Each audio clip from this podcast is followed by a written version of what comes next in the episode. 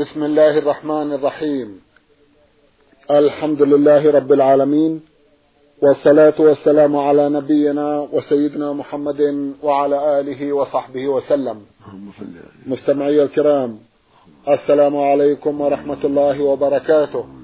وأسعد الله أوقاتكم بكل خير. هذه حلقة جديدة مع رسائلكم في برنامج نور على الدرب. رسائلكم في هذه الحلقة نعرضها على سماحة الشيخ عبد العزيز ابن عبد الله بن باز الرئيس العام لإدارات البحوث العلمية والإفتاء والدعوة والإرشاد. مع مطلع هذه الحلقة نرحب بسماحة الشيخ ونشكر له تفضله بإجابة السادة المستمعين فأهلا وسهلا بالشيخ عبد العزيز. حياكم الله وبارك فيك حياكم الله. نعود مع مطلع هذه الحلقة إلى رسالة أحد الإخوة المستمعين من نيجيريا في مدينة لاجوس هو المستمع زكريا محمد حسن. أخونا زكريا عرضنا له سؤال في حلقة مضت وفي هذه الحلقة يسأل ويسأل عن تفسير آية هي قول الحق تبارك وتعالى أعوذ بالله من الشيطان الرجيم إن السمع والبصر والفؤاد كل أولئك كان عنه مسؤولا. بسم الله الرحمن الرحيم. الحمد لله وصلى الله وسلم على رسول الله وعلى آله وأصحابه من اهتدى بهداه. أما بعد فهذه الآية الكريمة مضمونها التحذير من أن تسمع ما لا يحل لك أو تنظر إلى ما لا يحل لك أو تعتقد ما لا يحل لك. فأنت مسؤول عما سمعت وعما نظرت إليه وعما اعتقدته بقلبه والفؤاد هو القلب فالإنسان مسؤول عن سمعه وبصره وفؤاده. فعلى المؤمن أن يتقي الله في سمعه وبصره وقلبه. وألا يسمع ما حرم الله عليه من سماع الأغاني الأغاني وآلات اللهو أو سماع الغيبة والنميمة. لما فيهما من الضرر العظيم أو ما أشبه ذلك مما يضر سماعه. فليستمع الخير كسماع القرآن كسماعه للقرآن الكريم أو للسنة المطهرة أو للأحاديث المفيدة وسماعه لكلام أهله المباح و أو كلام إخوانه وما أشبه ذلك مما هو مباح. أما المحرم فليحذر. من ذلك أن يستمع لقوم يكرهون سماعه ولا يرضون أن يسمع حديثهم فلا يجوز ذلك. كما في الحديث في الصحيح عن رسول الله صلى الله عليه وسلم قال من سمع حديث قوم وهم له كارهون صب في اذنه ثلاث يوم القيامة. رواه البخاري.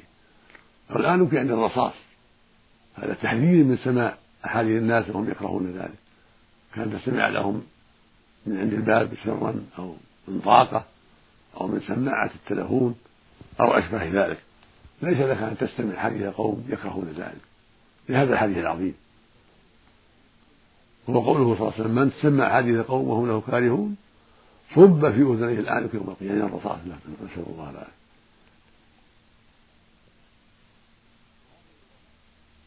وهكذا البصر.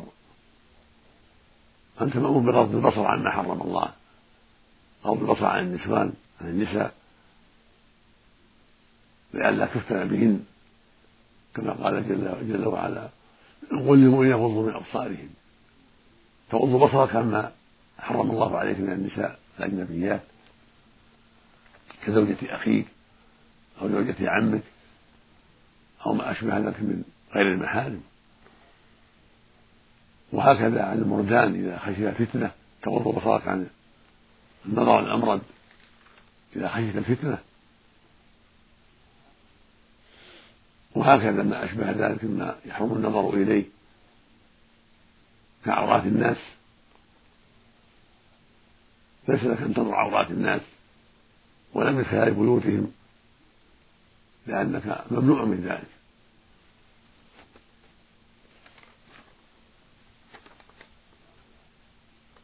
وهكذا يجب عليك أن تحذر الاعتقادات الباطلة. يجب أن تنزه قلبك وعقلك عما حرم الله. فلا تعتقد ما حرم الله عليك من حل ما حرم الله أو اعتقاد عدم وجود ما أوجب الله أو عمل بقلبك ما حرم الله. فاعتقاد مثلا أن الزنا حلال هذا من مرض القلب. وهو كفر نسأل الله العافية. وهكذا اعتقاد أن شرب الخمر حلال هذا من مرض القلب. وهو كفر أكبر نسأل الله العافية. وهكذا سوء ظنك بالله وسوء ظنك بإخوانك من غير دليل أيضا من أمراض القلب. هكذا قنوطك من رحمة الله. وأمنك من مكر الله. كلها أعمال قلبية خطيرة منكرة من كبائر الذنوب.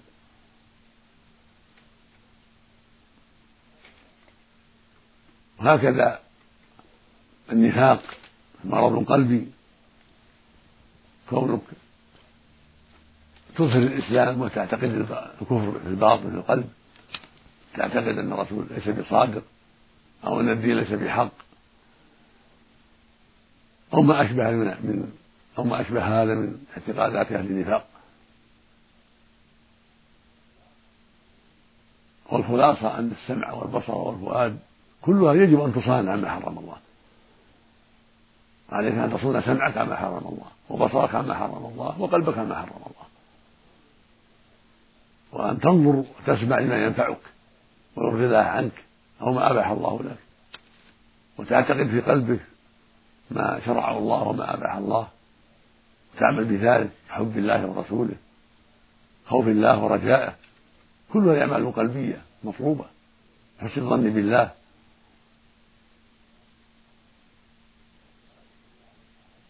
اعتقاد أنه الواحد الاحد مستحق العبادة. واعتقاد ما أوجب الله عليك في الصلاة والصوم. تعتقد هذا بقلبك ان الله أوجب الصلاة على المسلمين على المكلفين من المسلمين. أوجب الزكاة من عنده من لديه مال فيه الزكاة. أوجب صوم رمضان لمن استطاع ذلك. أوجب الحج من استطاع على من استطاع ذلك وهكذا. وأنت مسؤول عن هذه كلها يوم القيامة. فإن كنت حافظت عليها وصنتها سلمت. وحمدت العاقبة. أما إن كنت أسأت التصرف ولم تصنها عما حرم الله فإنك على خطر عظيم. وفيه تفصيل كما تقدم. نعم. جزاكم الله خيرا ونفع بعلمكم. ننتقل بعد هذا إلى السودان عبر رسالة وصلت إلى من وصلت من المستمع مختار عثمان من دنقلة ديوان الضرائب. أخونا مختار ضمن ضمن رسالته جمعا من الأسئلة من بينها سؤال يقول فيه في مدينة دنقلة مسجد كبير وبه ضريحان لشخصين يعتقد الناس أنهم من الصالحين. وهذه الأضرحة تزار وتقام وتقدم له القربان والمقابر من جهة القبلة ويفصل بينها وبين المصلين حائط المصلى فقط. السؤال هل يجوز لي أن أصلي في هذا المسجد لتبليغ الدين علما بأن المسجد يجمع أناسا كثيرين من مناطق مختلفة؟ وإذا صليت ما حكم صلاتي؟ هل أعيدها أم ماذا أفعل؟ بناء المساجد على القبور بناء المساجد على القبور منكر عظيم. هو من وسائل الشرك. لقول النبي صلى الله عليه وسلم لعن الله اليهود والنصارى اتخذوا قبور انبيائهم مساجد فلا يجوز البناء على القبور ولا اتخاذ المساجد عليها ولا جعلها مصلى فالقبر فالمسجد الذي فيه قبر أو أكثر لا يصلى فيه. والصلاة غير صحيحة. لأن الرسول نهى عنها ولعن من فعل ذلك عليه الصلاة والسلام. وقال في الحديث الآخر الذي رواه مسلم في الصحيح ألا وإن من كان قبلكم كانوا يتخذون قبور أنبيائهم وصالحيهم مساجد. ألا فلا تتخذوا قبور مساجد فإني أنهاكم عن ذلك. فنهى عن اتخاذ قبور مساجد وقال إنه ينهى عن هذا ولعن من فعل هذا وذمه. فلا يجوز للمسلمين أن يصلوا في المساجد فيها القبور. بل يجب نبشها يجب على الدولة وعلى أهل الحل والعقد أن ينبشوها ويجعلوها في مقابر المسلمين. يبقى المساء تبقى المساء ليس فيها قبور. على الدولة إذا كانت تدين بالإسلام أن تنبش هذه القبور التي في المساجد وأن تجعل تجعلها مع المسلمين في مقابرهم. حتى تخلو المساجد من القبور. هذا إن كانت القبور بعد المسجد. أما إن كان المسجد بني عليها وهي قديمة فالواجب أن يهدم المسجد ولا يصلى فيه ويلتمس أهل الحي مسجدا أرضا أخرى ليس فيها قبور فيعمر بها مسجدا ويصلون فيه. أما المسجد بني على القبور الواجب هدمه لأنه أسس على معصية الله. وقد ثبت عن رسول الله صلى الله عليه وسلم أنه نهى عن تجسيس القبور والقعود عليها والبناء عليها. رواه مسلم في الصحيح من حديث جابر رضي الله عنه. والخلاصة أن القبر إن كان جديدا والمسجد هو الأسبق وجب نبش القبر ونقل الرفاة إلى المقابر الأخرى. تجعل في يسوى ظاهرها كالقبر. وهكذا لو كان أكثر من قبر قبرين ثلاثة كلها تنقل. كل رفاة قبر تجعل في حفرة وحدها في المقابر العامة يجعل ظاهرها كظاهر القبور حتى لا تمتهن. ويبقى المسجد خاليا يصلى فيه أما إن كانت القبور هي الأصل والمسجد هو الحادث بني عليها فإنه يهدم. لأنه أسس على غير التقوى على المعصية فيهدم. ويبنى لأهل الحي مسجد في محل آخر ليس فيه قبور. طاعة لله ولرسوله عليه الصلاة والسلام وعملا بما دلت عليه النصوص وتحذيرا للمسلمين من الشرك وقطعا لوسائله لأن وجود القبور في المساجد من وسائل الشرك وسائل الغلو فيها من وسائل دعائها والاستغاثة بها والنذير لها هو الطواف بها ولا حول ولا قوة إلا بالله. فيجب الحذر من ذلك. أما إن كان المسجد خارج المسجد أما إن كان القبر خارج المسجد. عن يمينه أو شماله أو أمامه أو خلفه وليس في داخله فالصلاة صحيحة. لكن لو تيسر إبعاده في المقابر يكون أولى. حتى لا يغلو فيه أحد. فكان خارج المسجد خارج بناء المسجد عن يمين أو شمال أو أمام أو خلف فالأولى والأفضل أن ينقل لا يبقى قبر عند المسجد لأنه يغلى فيه. فينقل للمقابر العامة ولكن الصلاة صحيحة. لأن المسجد سليم من القبور ليس فيه قبور ليس في داخله قبور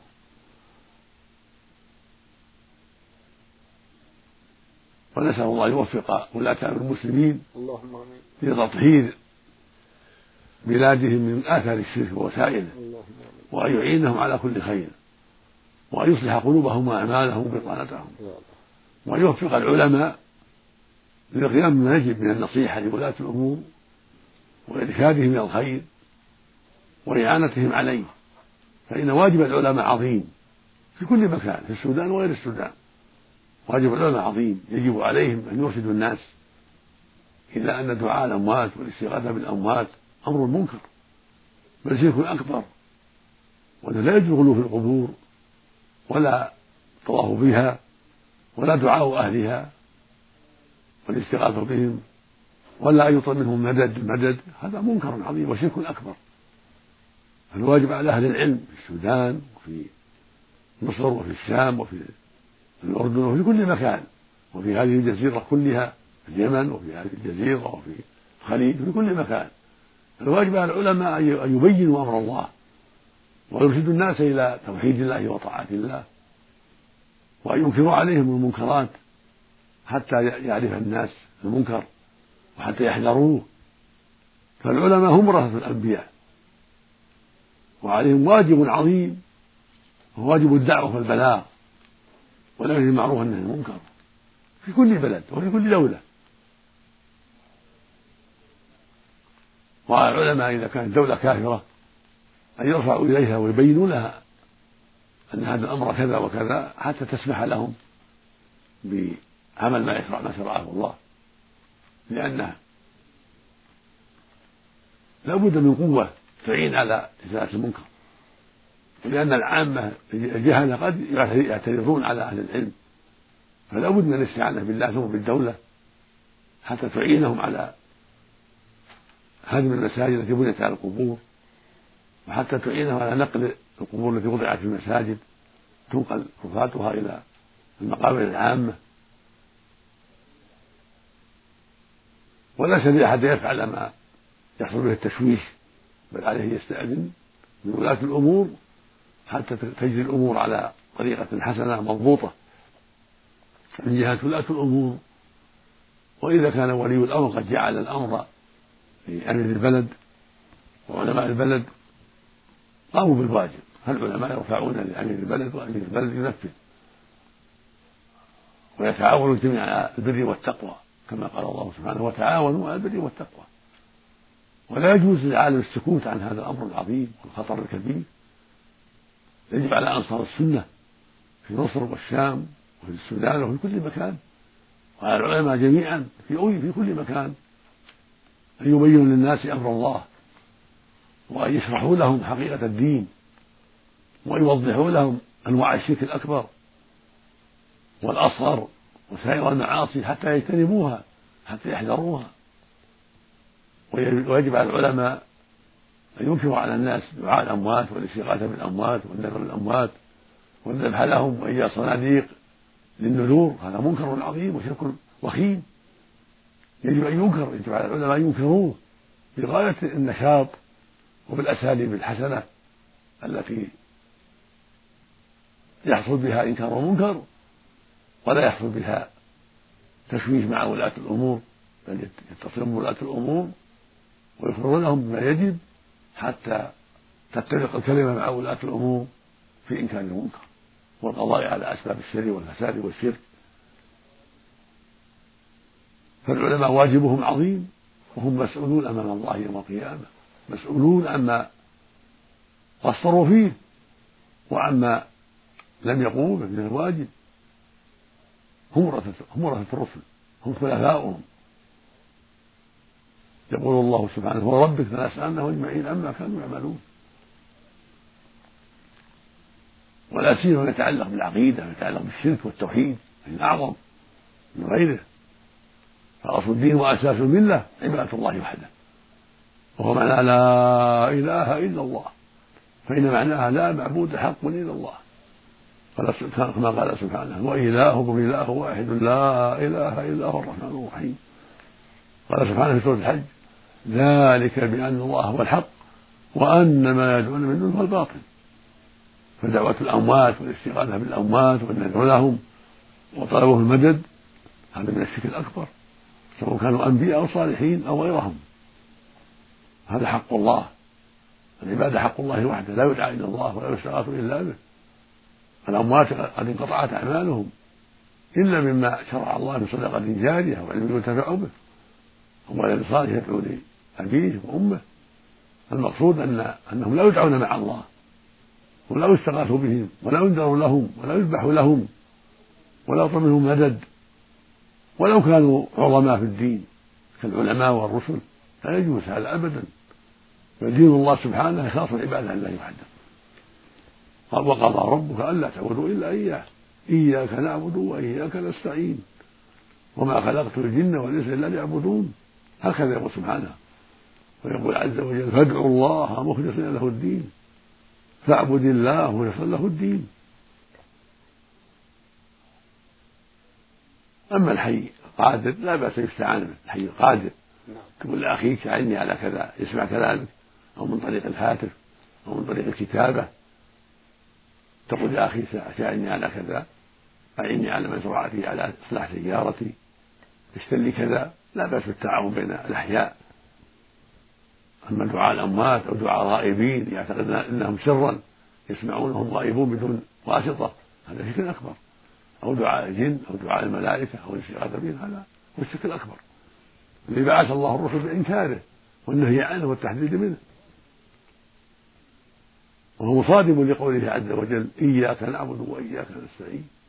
ولقوله سبحانه وقضى ربك ألا تعبدوا إلا إياه وما خلقت الجن والإنس إلا ليعبدون. نسأل الله أن يوفق ولاة الأمور من الأمراء والعلماء لكل ما في صلاح العباد والبلاد اللهم وأن يعينهم على كل خير اللهم وأن يصلح لهم البطانة اللهم وأن يجعلهم هداة مهتدين وإيانا وسائر إخواننا ولا حول ولا قوة إلا بالله. نعم. اللهم آمين. جزاكم الله خيرا. يسأل أيضا سماحة الشيخ فيما يسأل عنه ويقول هل لي أن أبلغ في هذا المسجد والحال كما ذكرت؟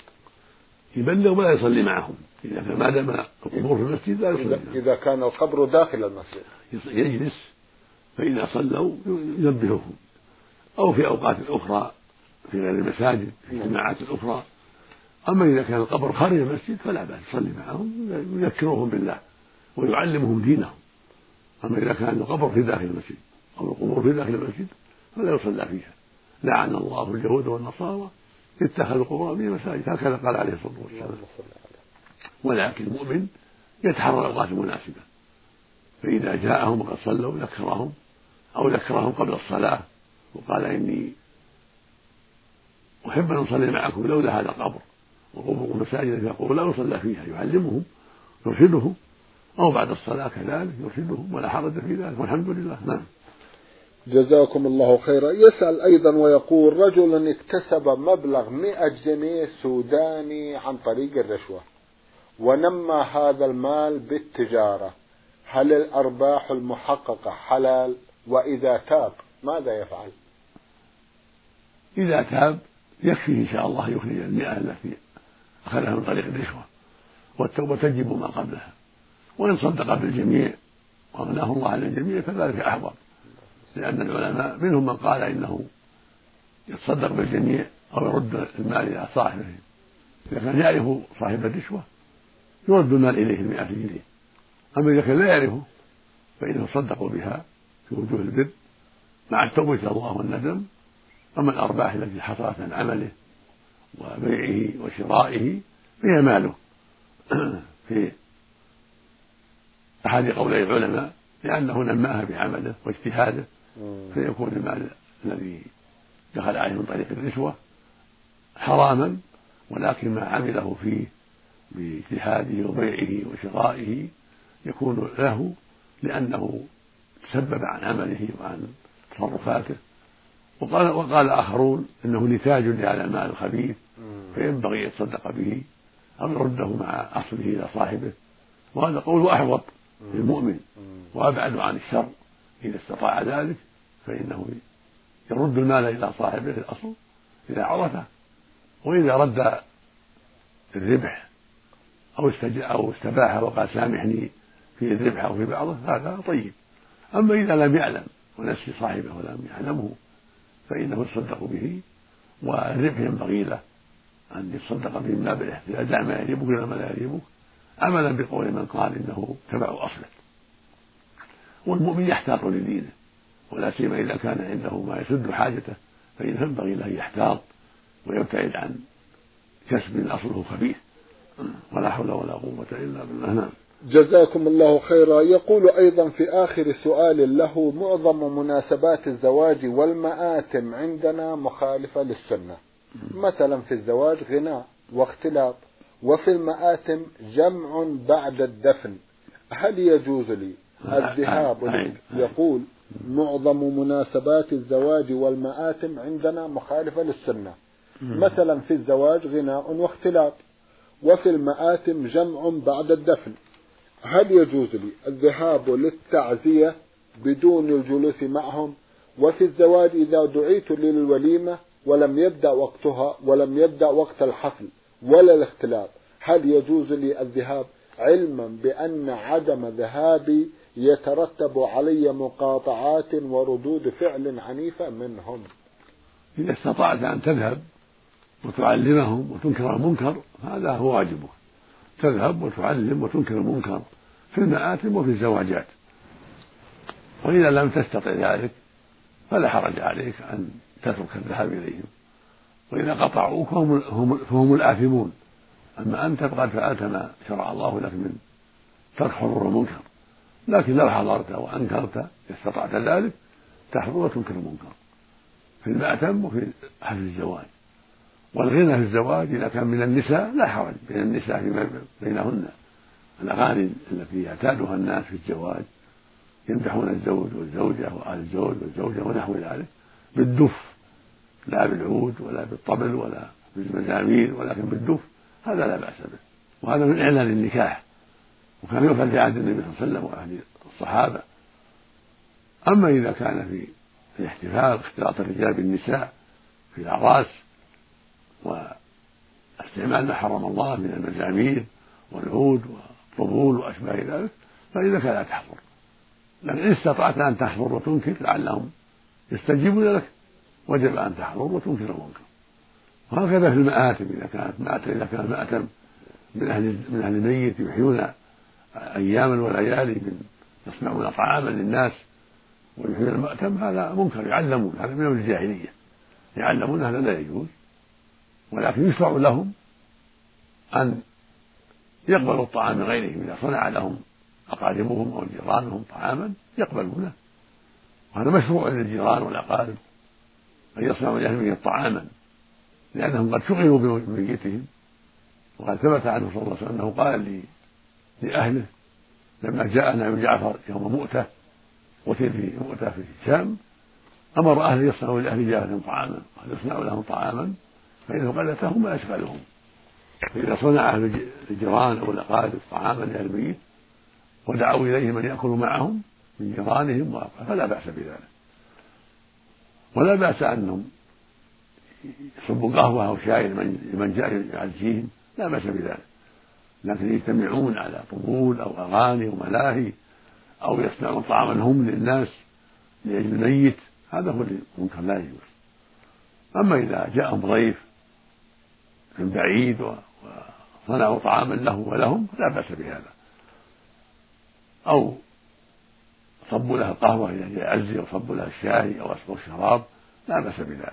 هذا من مكارم الأخلاق. أما يجتمعوا اجتماعا خاصا من أجل الميت على الطبول أو المزامير أو على الذبائح والأكل ونحو ذلك هذا هو الذي نعمل الجاهلية. لا يجوز أن يصنعه أهل الميت. ولكن يصنع الناس لهم. يهدون إليهم طعاما من جيرانهم وأقاربهم لأنهم شغلوا بالمصيبة. فالسنة يهدى لهم طعام من جيرانهم وأقاربهم. وإذا جاءهم الطعام كثير ودعوا إليه من يأكل معهم فلا بأس بذلك ولا حرج في ذلك جزاكم الله خيرا. ننتقل بعد هذا إلى رسالة وصلت إلى البرنامج من جدة وباعثها مستمع من هناك هو الأخ حمدي خليل مصري. يقول أرجو أن تتكرموا ببيان الفرق بين الطلاق السني والطلاق البدعي. الطلاق السني هو الذي يقع في حال الحمل أو في حال كون المرأة طاهرا لم يجامعها زوجها. هذا هو الطلاق السني وهي مطلقة واحدة فقط. هي طالق أو مطلقة طلقة واحدة ويكون ذلك في حال كونها حاملا أو في حال كونها طاهرا طهرا لم يجامعها فيه. لقول النبي صلى الله عليه وسلم لابن عمر لما طلق امرأته وهي حائض راجعها ثم أمسكها تذكر ثم تحيي ثم تطهر ثم إن شئت طلقها طاهرا أو حاملا قبل أن تمسها. ثم تطلقها قبل أن يمسها. في اللفظ الآخر طلقها طاهرا أو حاملا. المقصود أنه صلى الله عليه وسلم أمره أن يطلقها في حال كون ما مسها فيه أو في حال كونها حاملا. وهذا هو معنى قوله جل وعلا يا أيها النبي إذا طلقتم النساء فطلقوهن لعدتهن. قال العلماء معنى ذلك أنهن طاهرات بغير جماع أو في حال الحمل حال الحمل. هذا الطلاق بالعدة ويكون طلقة واحدة. لا اثنتين ولا ثلاث. كن طلق اثنتين بلا سبب مكروه. كن طلق بالثلاث لا يجوز. أما الطلاق البدعي فهو في القول أن يطلقها ثلاث هذا بدعي لا يجوز يطلقها بالثلاث أما في حالها فلا يطلقها إذا كانت حائضا أو نفساء أو في طهر جامعة هذا البدعي إذا كانت حائضة أو في النفاس أو في طهر جامعها فيه وليست آيسة ولا حامل بل تحمل شابة. فإن هذا يكون بدعي. أما إذا كانت حاملا أو آيسة كبيرة السن فإنه يطلقها في أي وقت. لأنه ليس لديها حيض ولا نفاس ولا خشية الحمل. فإذا طلق الحامل في أي وقت طلقة واحدة أو العائشة كبيرة السن التي لا يأتيها الحيض طلقة واحدة فهو كله موافق للسنة لا حرج في ذلك. أما إذا كانت تحيض فإنه لا يطلقها في حال الحيض ولا في حال ضرب جامعها فيه ولا في حال النفاس. جزاكم الله خيرا. وفق الله الجميع نعم. اللهم آمين اللهم آمين. سماحة الشيخ في الختام أتوجه لكم بالشكر الجزيل بعد شكر الله سبحانه وتعالى على تفضلكم بإجابة السادة المستمعين وآمل أن يتجدد اللقاء وأنتم على خير.